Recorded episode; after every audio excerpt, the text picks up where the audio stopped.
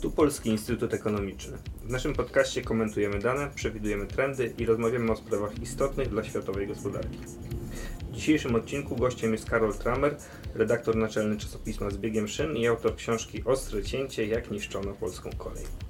Porozmawiamy dziś o tym, jakie znaczenie ma kolej w obliczu rosyjskiej inwazji na Ukrainę i na ile polska kolej jest w stanie sprostać tym wyzwaniom, które spadły na nią wraz z konfliktem. Nazywam się Jan Strzelecki i zapraszam do słuchania. Cześć. Cześć, dzień dobry Państwu. E, po tym jak 24 kwietnia w Kijowie przybywali wysocy amerykańscy urzędnicy, w tym tygodniu w poniedziałek Rosjanie dokonali kolejnych uderzeń rakietowych, tym razem wycelowanych przede wszystkim w infrastrukturę kolejową, w obwodzie lwowskim, winnickim, rowieńskim, czyli też na zachodzie kraju. Doszło do zatrzymania pociągów, ale dzisiaj wydaje się, że kolej znów funkcjonuje tak jak przed tymi uderzeniami. To nie były już pierwsze uderzenia rakietowe na ukraińską sieć kolejową. Powiedz, e, jak wygląda funkcjonowanie ukraińskiej kolei w ogóle w działaniach w, w tej sytuacji wojennej? Przede wszystkim e, kolej ukraińska, e, całe to przedsiębiorstwo Ugrzeleznica, bo to też e, warto powiedzieć, że e, kolej w Ukrainie no to jest jeszcze taka klasyczna kolej, to znaczy mimo pewnych zmian, mimo e, przejścia w formę spółki akcyjnej, no to jest to jeden wielki podmiot, który zajmuje się właściwie całą koleją, infrastrukturą, przewozami. To nie jest tak jak w Unii Europejskiej, że to wszystko jest rozdzielone. I chyba w przypadku e, wojny można powiedzieć, że jest to sprawniejsze rozwiązanie. To znaczy, że e, nie ma tej e, rozdzielenia decyzyjnego, własnościowego i tak dalej. I te decyzje rzeczywiście, decyzje i działania zapadają szybko. To jest e, to, co mnie e, pozytywnie zaskoczyło, jeśli chodzi o kolej ukraińską, no że na przykład odbudowa ciągu z Kijowa do Czernichowa po tym, jak e, wojska rosyjskie się stamtąd wycofały, zajęła nieco ponad tydzień, mimo że trzeba było tam wykonać konkretne prace budowlane e, na mostach, e, na zniszczonych odcinkach linii kolejowej.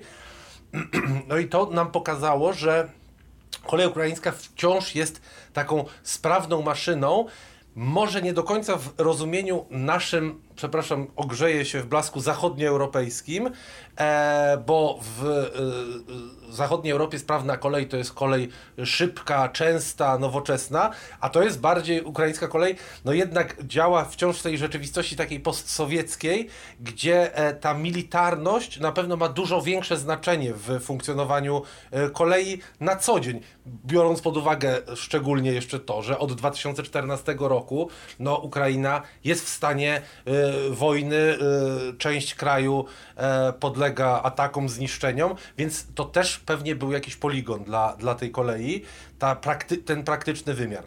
Ale e, szybkość naprawiania sieci kolejowej, szybkość decyzji o tym, żeby e, czy składy z uchodźcami, czy składy z wojskiem, czy składy towarowe przekierowywać, e, szybko odbudowywać e, linie kolejowe po jakichś takich punktowych zniszczeniach, no to pokazało nam, że ta kolej ukraińska jest sprawna, a można było się obawiać, że ona e, nie wykaże się sprawnością, biorąc pod uwagę, jak wyglądały ostatnie lata kolei ukraińskiej. Jak to wyglądało do, do 24 lutego, czyli tej pełnoskalowej inwazji rosyjskiej?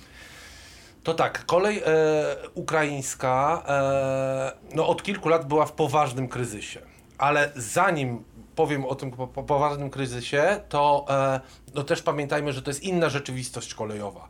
E, jest to kolej nastawiona na priorytet dla ruchu towarowego.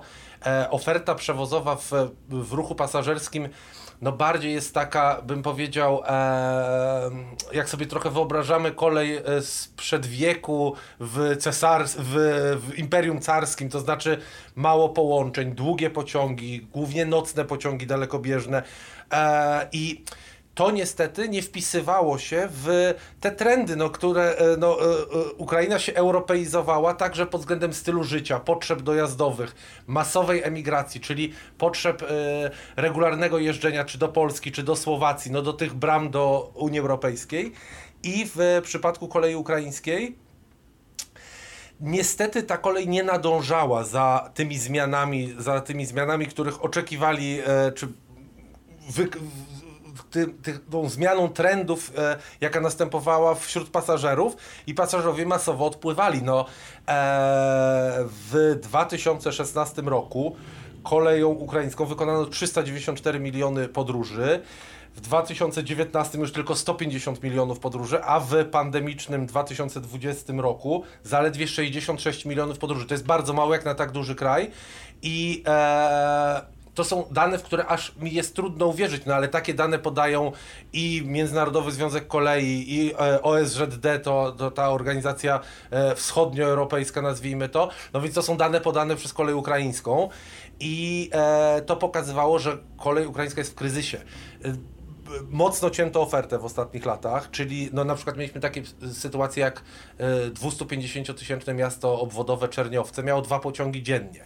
E, więc e, kolej nie działała ofensywnie, żeby zwiększać tą ofertę, wpisywać się w e, tą elastyczność, jaką oczekiwali pasażerowie, tylko właściwie tak dogaszano tą ofertę, e, mało atrakcy- która okazała się mało atrakcyjna w tych nowych czasach. No i tak wyglądała ta kolej. Wreszcie w połowie 2021 roku Rada Bezpieczeństwa Narodowego i Obrony Ukrainy wydała taki raport. On nie został ujawniony w pełni, ale został przekazany Ministerstwu Infrastruktury i w mediach ukraińskich po części nawet pewne strony tego raportu są e, pokazane, to znaczy nie tylko jest on relacjonowany, ale coś tam widać z tego raportu. No i ten raport mówił, że stan kolei ukraińskiej e, zagraża bezpieczeństwu państwa w obliczu zagrożenia e, militarnego właśnie. No i e, wkrótce po tym raporcie e, podjęto decyzję o zmianie pre, na stanowisku prezesa. Powołany jako tymczasowy prezes został Aleksander Kamyszyn. To była, to, to, to była połowa 2021 roku. I on, y, y, co też pokazuje chaos na kolei, on był piątym prezesem e, e, od 2020 roku, czyli e, no tam cały czas podlegało to przemianom. I co było ciekawe, Aleksander Kamyszyn został powołany już jakby przez administrację Sługi Narodu, a jest to człowiek, który wywodzi się, bo to nie jest człowiek, to nie jest kolejarz, to jest finansista, który się wywodzi z imperium Richata Achmetowa. E, Richat Achmetow był w e, konflikcie z Zełęskim do czasu rozpoczęcia wojny.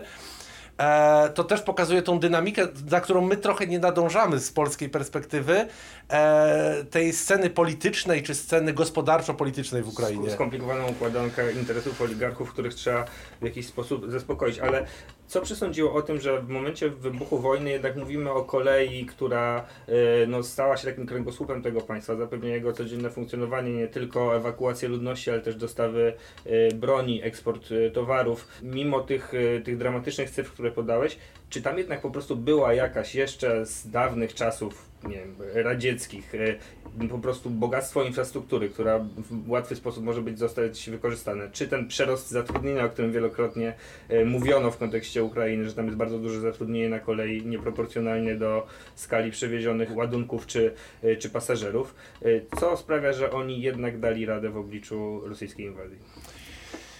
Trudno mi jest odpowiedzieć na to pytanie, bo e, myślę, że to były różne czynniki, ale ja nie potrafię wskazać, że e, w tej układance czegoś, co spowodowało, że ta kolej no tak ruszyła z kopyta e, w obliczu tej dramatycznej, palącej potrzeby e, chociażby ewakuacji e, ludzi. E, I też nie wiem, czy ktoś wskazał ręką, wskazał palcem, że wy macie to robić, czy to było bardziej takie pospolite ruszenie. Więc ja tutaj nie udzielę jednoznacznej odpowiedzi. Natomiast można powiedzieć, że ta kolej e, ukraińska no, sprawdziła się w tych bardzo trudnych warunkach. E, to znaczy, oprócz tego, o czym mówiliśmy, e, tej szybkości reakcji, no to też e, przerzucenie, e, wywiezienie z obszarów w danym momencie zagrożonych e, tysięcy ludzi, w sumie od 24 lutego do 11 kwietnia Ugryzeleznica podała, że e, 3,5 miliona osób e, było ewakuowanych e, za pomocą kolei. No i to były takie dramatyczne sceny, że tam na przykład pociągi, które mają 800 miejsc, przewoziły 2,5 tysiąca ludzi. To była ewakuacja taka no, e, naprawdę w ciężkich, e, trudnych warunkach.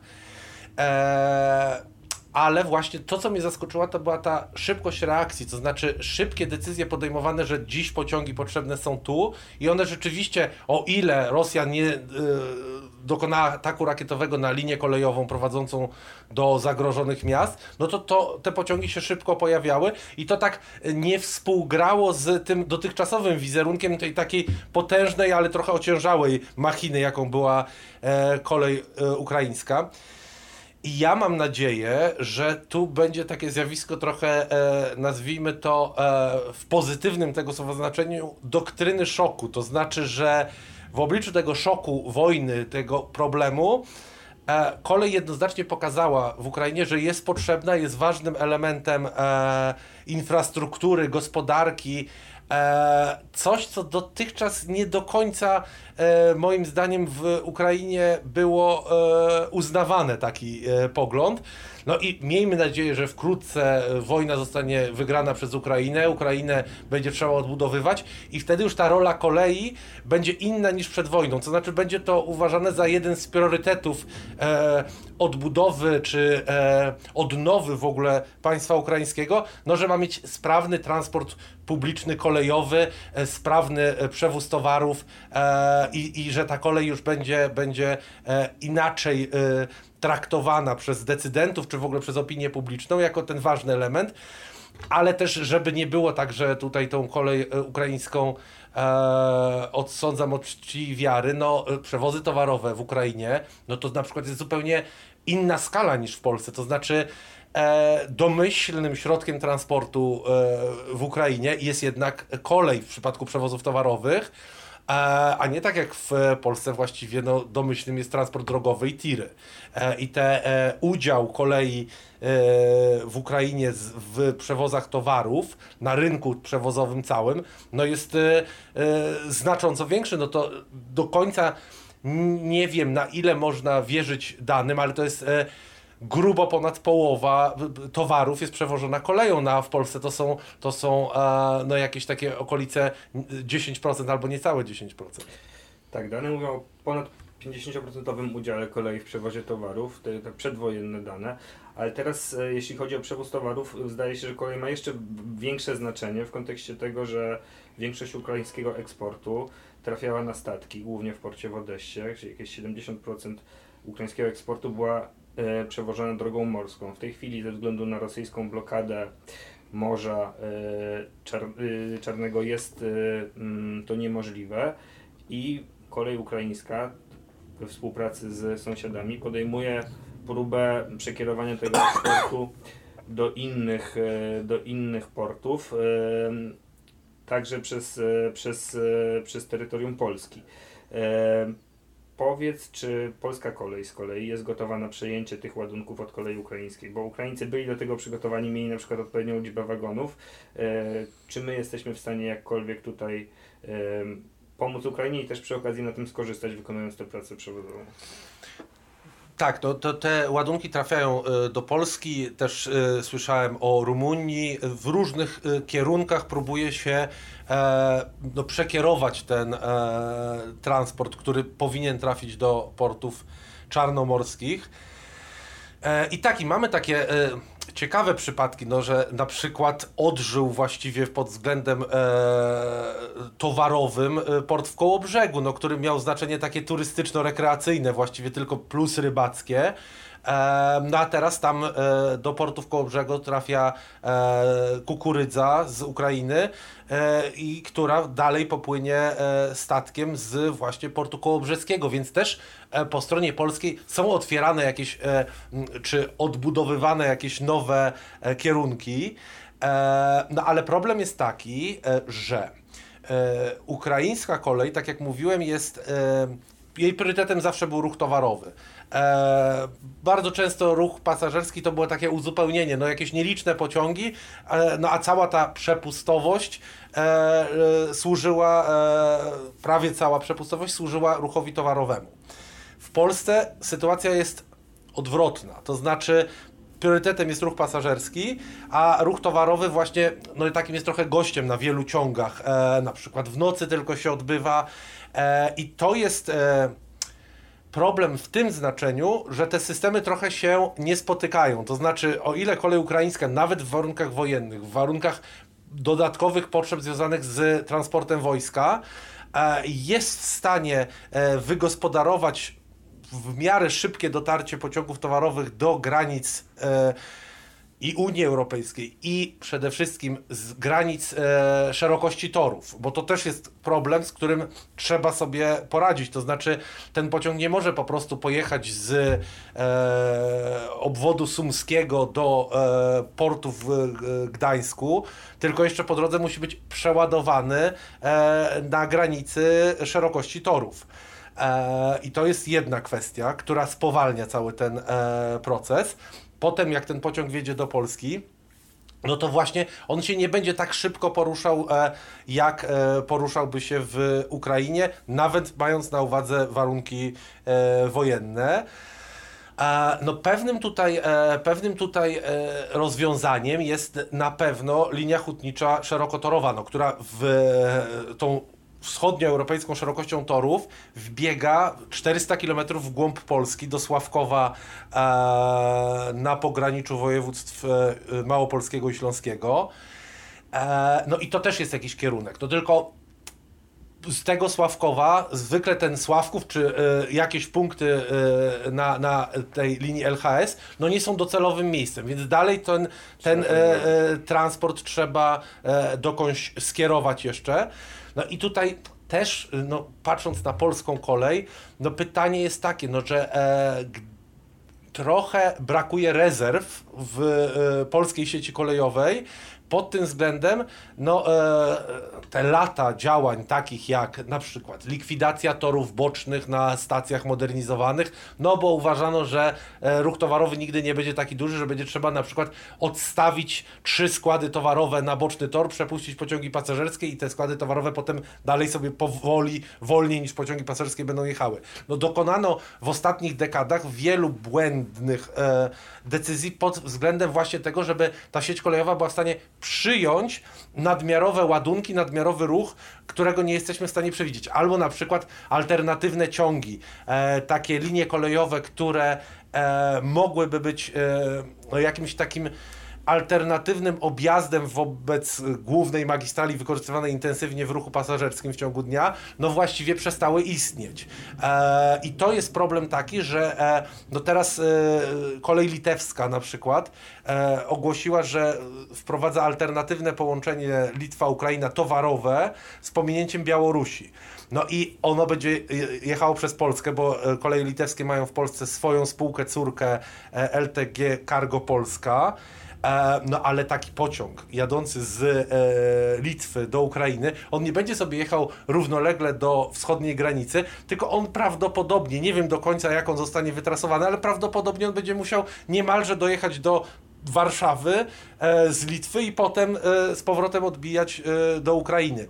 No i tutaj brakuje takich e, e, linii kolejowych, które mogły zostać wykorzystane, na przykład Małkinia-Siedlce, linia, która została zlikwidowana pod rozbudowę drogi wojewódzkiej, byłaby w takiej sytuacji świetnym skrótem, e, który by powodował, że ten dodatkowy ruch nie robiłby zamieszania na przykład w rejonie węzła warszawskiego. No i to są decyzje, których e, możemy żałować, bo widzimy, że e, sytuacja w Europie, sytuacja w, w w Polsce, w sąsiednich krajach, jest nagle okazała się taka, że kolej musi mieć ten jakiś pierwiastek militarny w tym znaczeniu, no, że muszą być jakieś rezerwowe ciągi. E, to wszystko nie może być tak dopięte pod aktualną ofertę przewozową.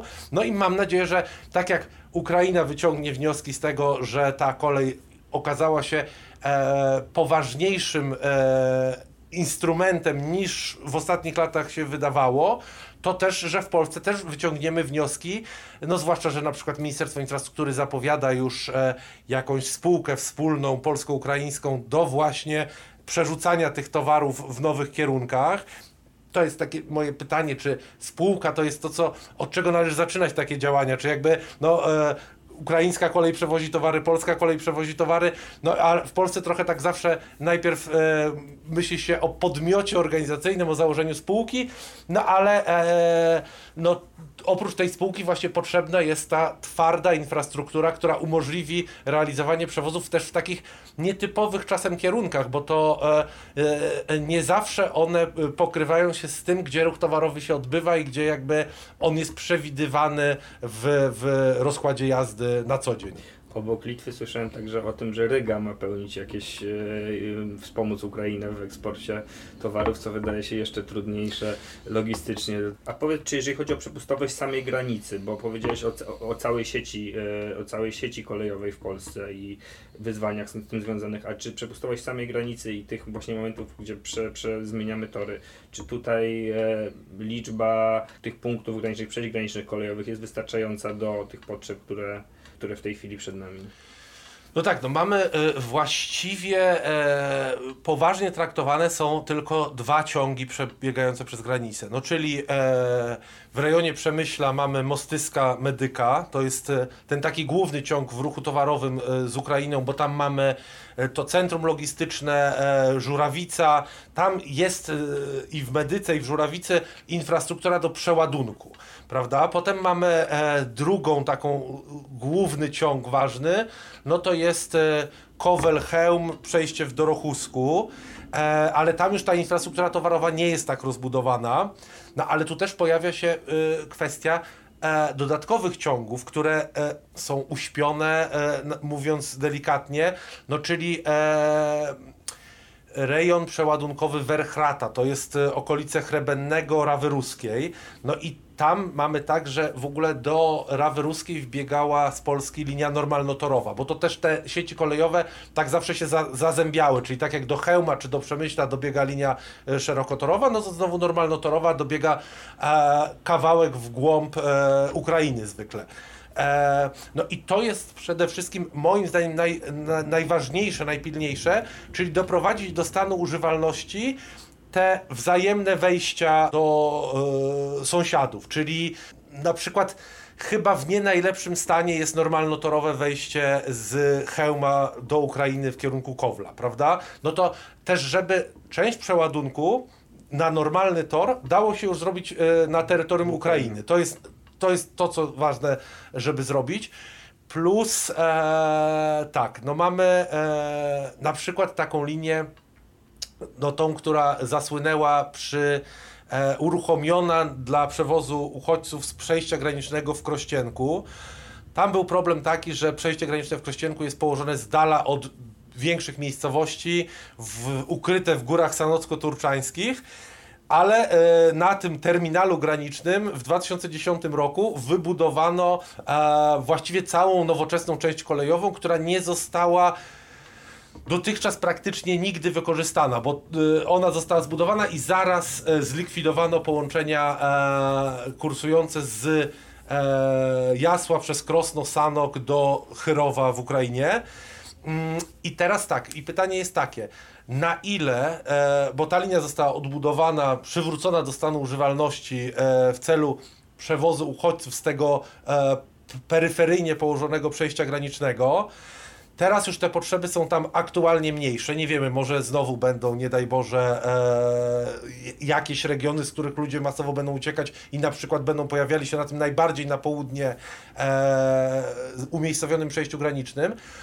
No ale jego wykorzystanie na przykład w ruchu towarowym jako wlot do Polski może nie być, e, e, no ona jest tak położona, że to może nie być e, sprawa pilna, ale już na przykład może być to alternatywny wjazd e, do Słowacji z północno-zachodniej e, Ukrainy, bo o ile e, Ukraina ma takie też suche porty na granicy ze Słowacją, tam rejon Użgorodu, Czopu, to być może są potrzebne takie alternatywne ciągi, właśnie żeby nie doszło do zakorkowania e, i dało się przeprowadzić jakieś e, pociągi tak w e, tych mm, relacjach nieoczywistych. To znaczy, żeby nie wisiało to wszystko na e, tych właściwie w przypadku e, polsko-ukraińskiej granicy mamy tą medykę i ten Dorochusk już tak w mniejszym stopniu i koniec. E, więc ja bym, ja bym sugerował te e, spojrzenie poważne na, na e, alternatywne ciągi. No i oczywiście linia hutniczo-szerokotorowa, no to też jest ważny wlot w głąb Polski, tak jak mówiłem wcześniej. No to też, też do tej e, dwójki można dołączyć trzecie to przejście e, w Chrubieszowski wjazd i dalej LHS w głąb Polski. Karol, na koniec chciałem Cię zapytać jeszcze o jedną kwestię, którą opisujesz w najnowszym wydaniu y, czasopisma z biegiem szyn, czyli o to, co działo się na torach w Białorusi, o tą partyzancką akcję białoruskich kolejarzy. Czy można ocenić, czy jesteśmy w stanie ocenić, y, na ile to było kłopotliwe dla przerzutu wojsk rosyjskich, co zrobili białoruscy kolejarze? Opowiedzmy najpierw, co oni właśnie Mhm. zrobili i czy to przyniosło efekt. No, na terenie Białorusi doszło do, e, no właściwie dobrze zorganizowanej działalności dywersyjnej, tak byśmy to w języku wojennym e, nazwali. To znaczy, nie wiadomo kto e, robił różne, e, podejmował różne działania, e, żeby utrudnić ruch wojsk e, rosyjskich na południe Białorusi do różnych poleskich stacji kolejowych, skąd rosyjskie wojska e, atakowały Ukrainę. No i rzeczywiście ten atak się odbywał, więc to nie jest tak, że to całkowicie zablokowano. Ten kierunek białoruski dla armii rosyjskiej istniał i był wykorzystywany, ale no można podejrzewać, e, ja tu nie chcę e, ubierać w, w buty e, speca od wojny, który ma odpowiedź na każde pytanie, bo nie jestem specem od wojny, nie mam odpowiedzi tutaj na każde pytanie, ale no można podejrzewać, że to mocno utrudniło ruch wojsk, ponieważ tak, no to się zaczęło jeszcze, to około ponad miesiąc przed atakiem 24 lutego. Jest taka e, podziemna organizacja kolejarzy, taki związek zawodowy e, opozycyjny wobec e, reżimu Łukaszenki. Nie wiadomo kto w nim jest, to jest organizacja tajna, ale jest bardzo aktywna na Telegramie, informuje o wszystkim i tam ona zaczęła informować, że są przewidziane, jest przewidziany rozkład jazdy tych eszelonów wojskowych rosyjskiej armii w skali, jaka jeszcze nigdy w obliczu ćwiczeń Zapad i tak dalej nie miała miejsca. I to było taki pierwszy sygnał, i potem uderzyli e, ta organizacja zapewne e, hakerów białoruskich z emigracji, znaczy zapewne z emigracji e, działających, nie z we, wewnątrz e, kraju. I oni zaatakowali głównie system sprzedaży biletów, bo przy tych atakach hakerskich, e, które też miewają miejsce w, w Europie Zachodniej i zwykle podejrzewamy o to Rosję, no to zwykle to są te takie e, atakowane serwisy e, dla pasażerów, strony internetowe i tak dalej. Ale tam przestały działać również e, na pewien czas, około doby, e, no na przykład jakieś e, już systemy sterowania ruchem, czy jakaś ewidencja przewozów, no takie wewnętrzne systemy komputerowe przestały działać. No ale w końcu y, zaczęły się działania takie już y, prawdziwe w terenie na torach, czyli tak, y, no takim standardowym rozwiązaniem w różnych miejscach Białorusi y, mającym miejsce, no to było spalenie szafy z urządzeniami sterowania. E, co blokuje ruch, e, powoduje, że pociągi nie mogą jeździć tak często, bo trzeba wprowadzić wtedy no, tak zwane telefoniczne zapowiadanie pociągów, no, czyli muszą się komunikować mm, mm, dyżurni ruchu z sąsiednich stacji i przepuszczać pociągi w mniejszej częstotliwości. E, dodatkowo zaczęto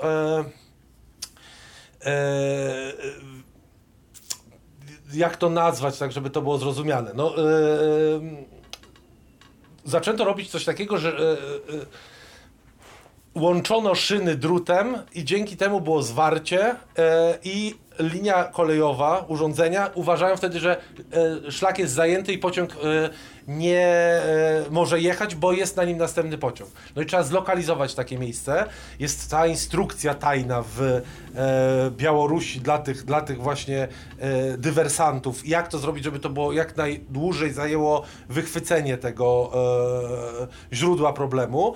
No i takie różne działania w różnych Wiemy, punktach ile się... mniej więcej tego rodzaju typu działań była, było przeprowadzonych? E, to jest tak. E, jedno źródło to są kanały na Telegramie, gdzie ludzie informują, że coś takiego miało miejsce, a drugie źródło to właśnie jest e, to SZB, ten Związek Zawodowy Podziemny, który pokazuje pewne już takie screeny na przykład z komputerów z systemu wewnętrznego, które potwierdzają jakby, że kolej wie, że tam jest problem. No to biorąc pod uwagę to najpewniejsze źródło, no to co najmniej kilkanaście takich e, e, działań miało miejsce, ale to też są drobne działania. Nie o wszystkich pewnie się dowiadujemy e, i, o nie, i też rola Białorusi jako państwa reżimu Łukaszenkowskiego też mam wrażenie, że bardziej chce pokazać y, Rosji, że panuje nad sytuacją, więc nie informuje o tym oficjalnie, że doszło do zatrzymania ruchu, był problem, tylko bardziej na przykład pokazuje, że e, brutalnie zatrzymuje ludzi podejrzewanych o to. Tak, no i e, e, ostatnie, ostatnie słowo, jakie to przyniosło skutki, no to na pewno kolej białoruska, wojska rosyjskie zaczęły zmieniać swoje plany. To znaczy na przykład przeładunek e, z pociągu na ciężarówki albo dojazd w innym kierunku. Czy wreszcie e, e, próba e, maskowania, e, to znaczy transporty wojskowe zaczęły być przewożone w normalnych wagonach towarowych i mieliśmy takie e, taką sytuację, że e, na Telegramie też zwykli ludzie wrzucają zdjęcia e, transportów wojskowych, piszą gdzie to było, żeby na przykład pomóc wywiadowi e, u, e, ukraińskiemu. No i była taka sytuacja, że ktoś zobaczył, że idąc kładką w Homlu nad torami, że w wagonach są jakieś rakiety. No i okazało się, że to są e, w wagonach towarowych, które z dołu nie wzbudzały podejrzeń, były e, rakiety do systemów e, rakietowych armii rosyjskiej. No więc to na pewno wydłużyło, no bo trzeba przeładować do wagonów nie, wzbuda, nie wzbudzających podejrzeń, albo zaczęto legendować transporty wojskowe, że niby jadą do jakiegoś zakładu na południu Białorusi umiejscowionego, ale właśnie na Telegramie ta wspólnota, ten związek kolejarzy Białorusi e, pisał, że nigdy nie było takiego klienta i e, jest to e, prawdopodobnie legendowanie przewozu wojskowego. Bardzo dziękuję. Gościem dzisiejszego podcastu był redaktor Karol Tramer, który opowiadał o tym, jak funkcjonuje ukraińska kolej w czasie wojny i jakie wyzwania stoją przed polską koleją w związku z toczącą się wojną w Ukrainie. Dziękuję bardzo. Bardzo dziękuję.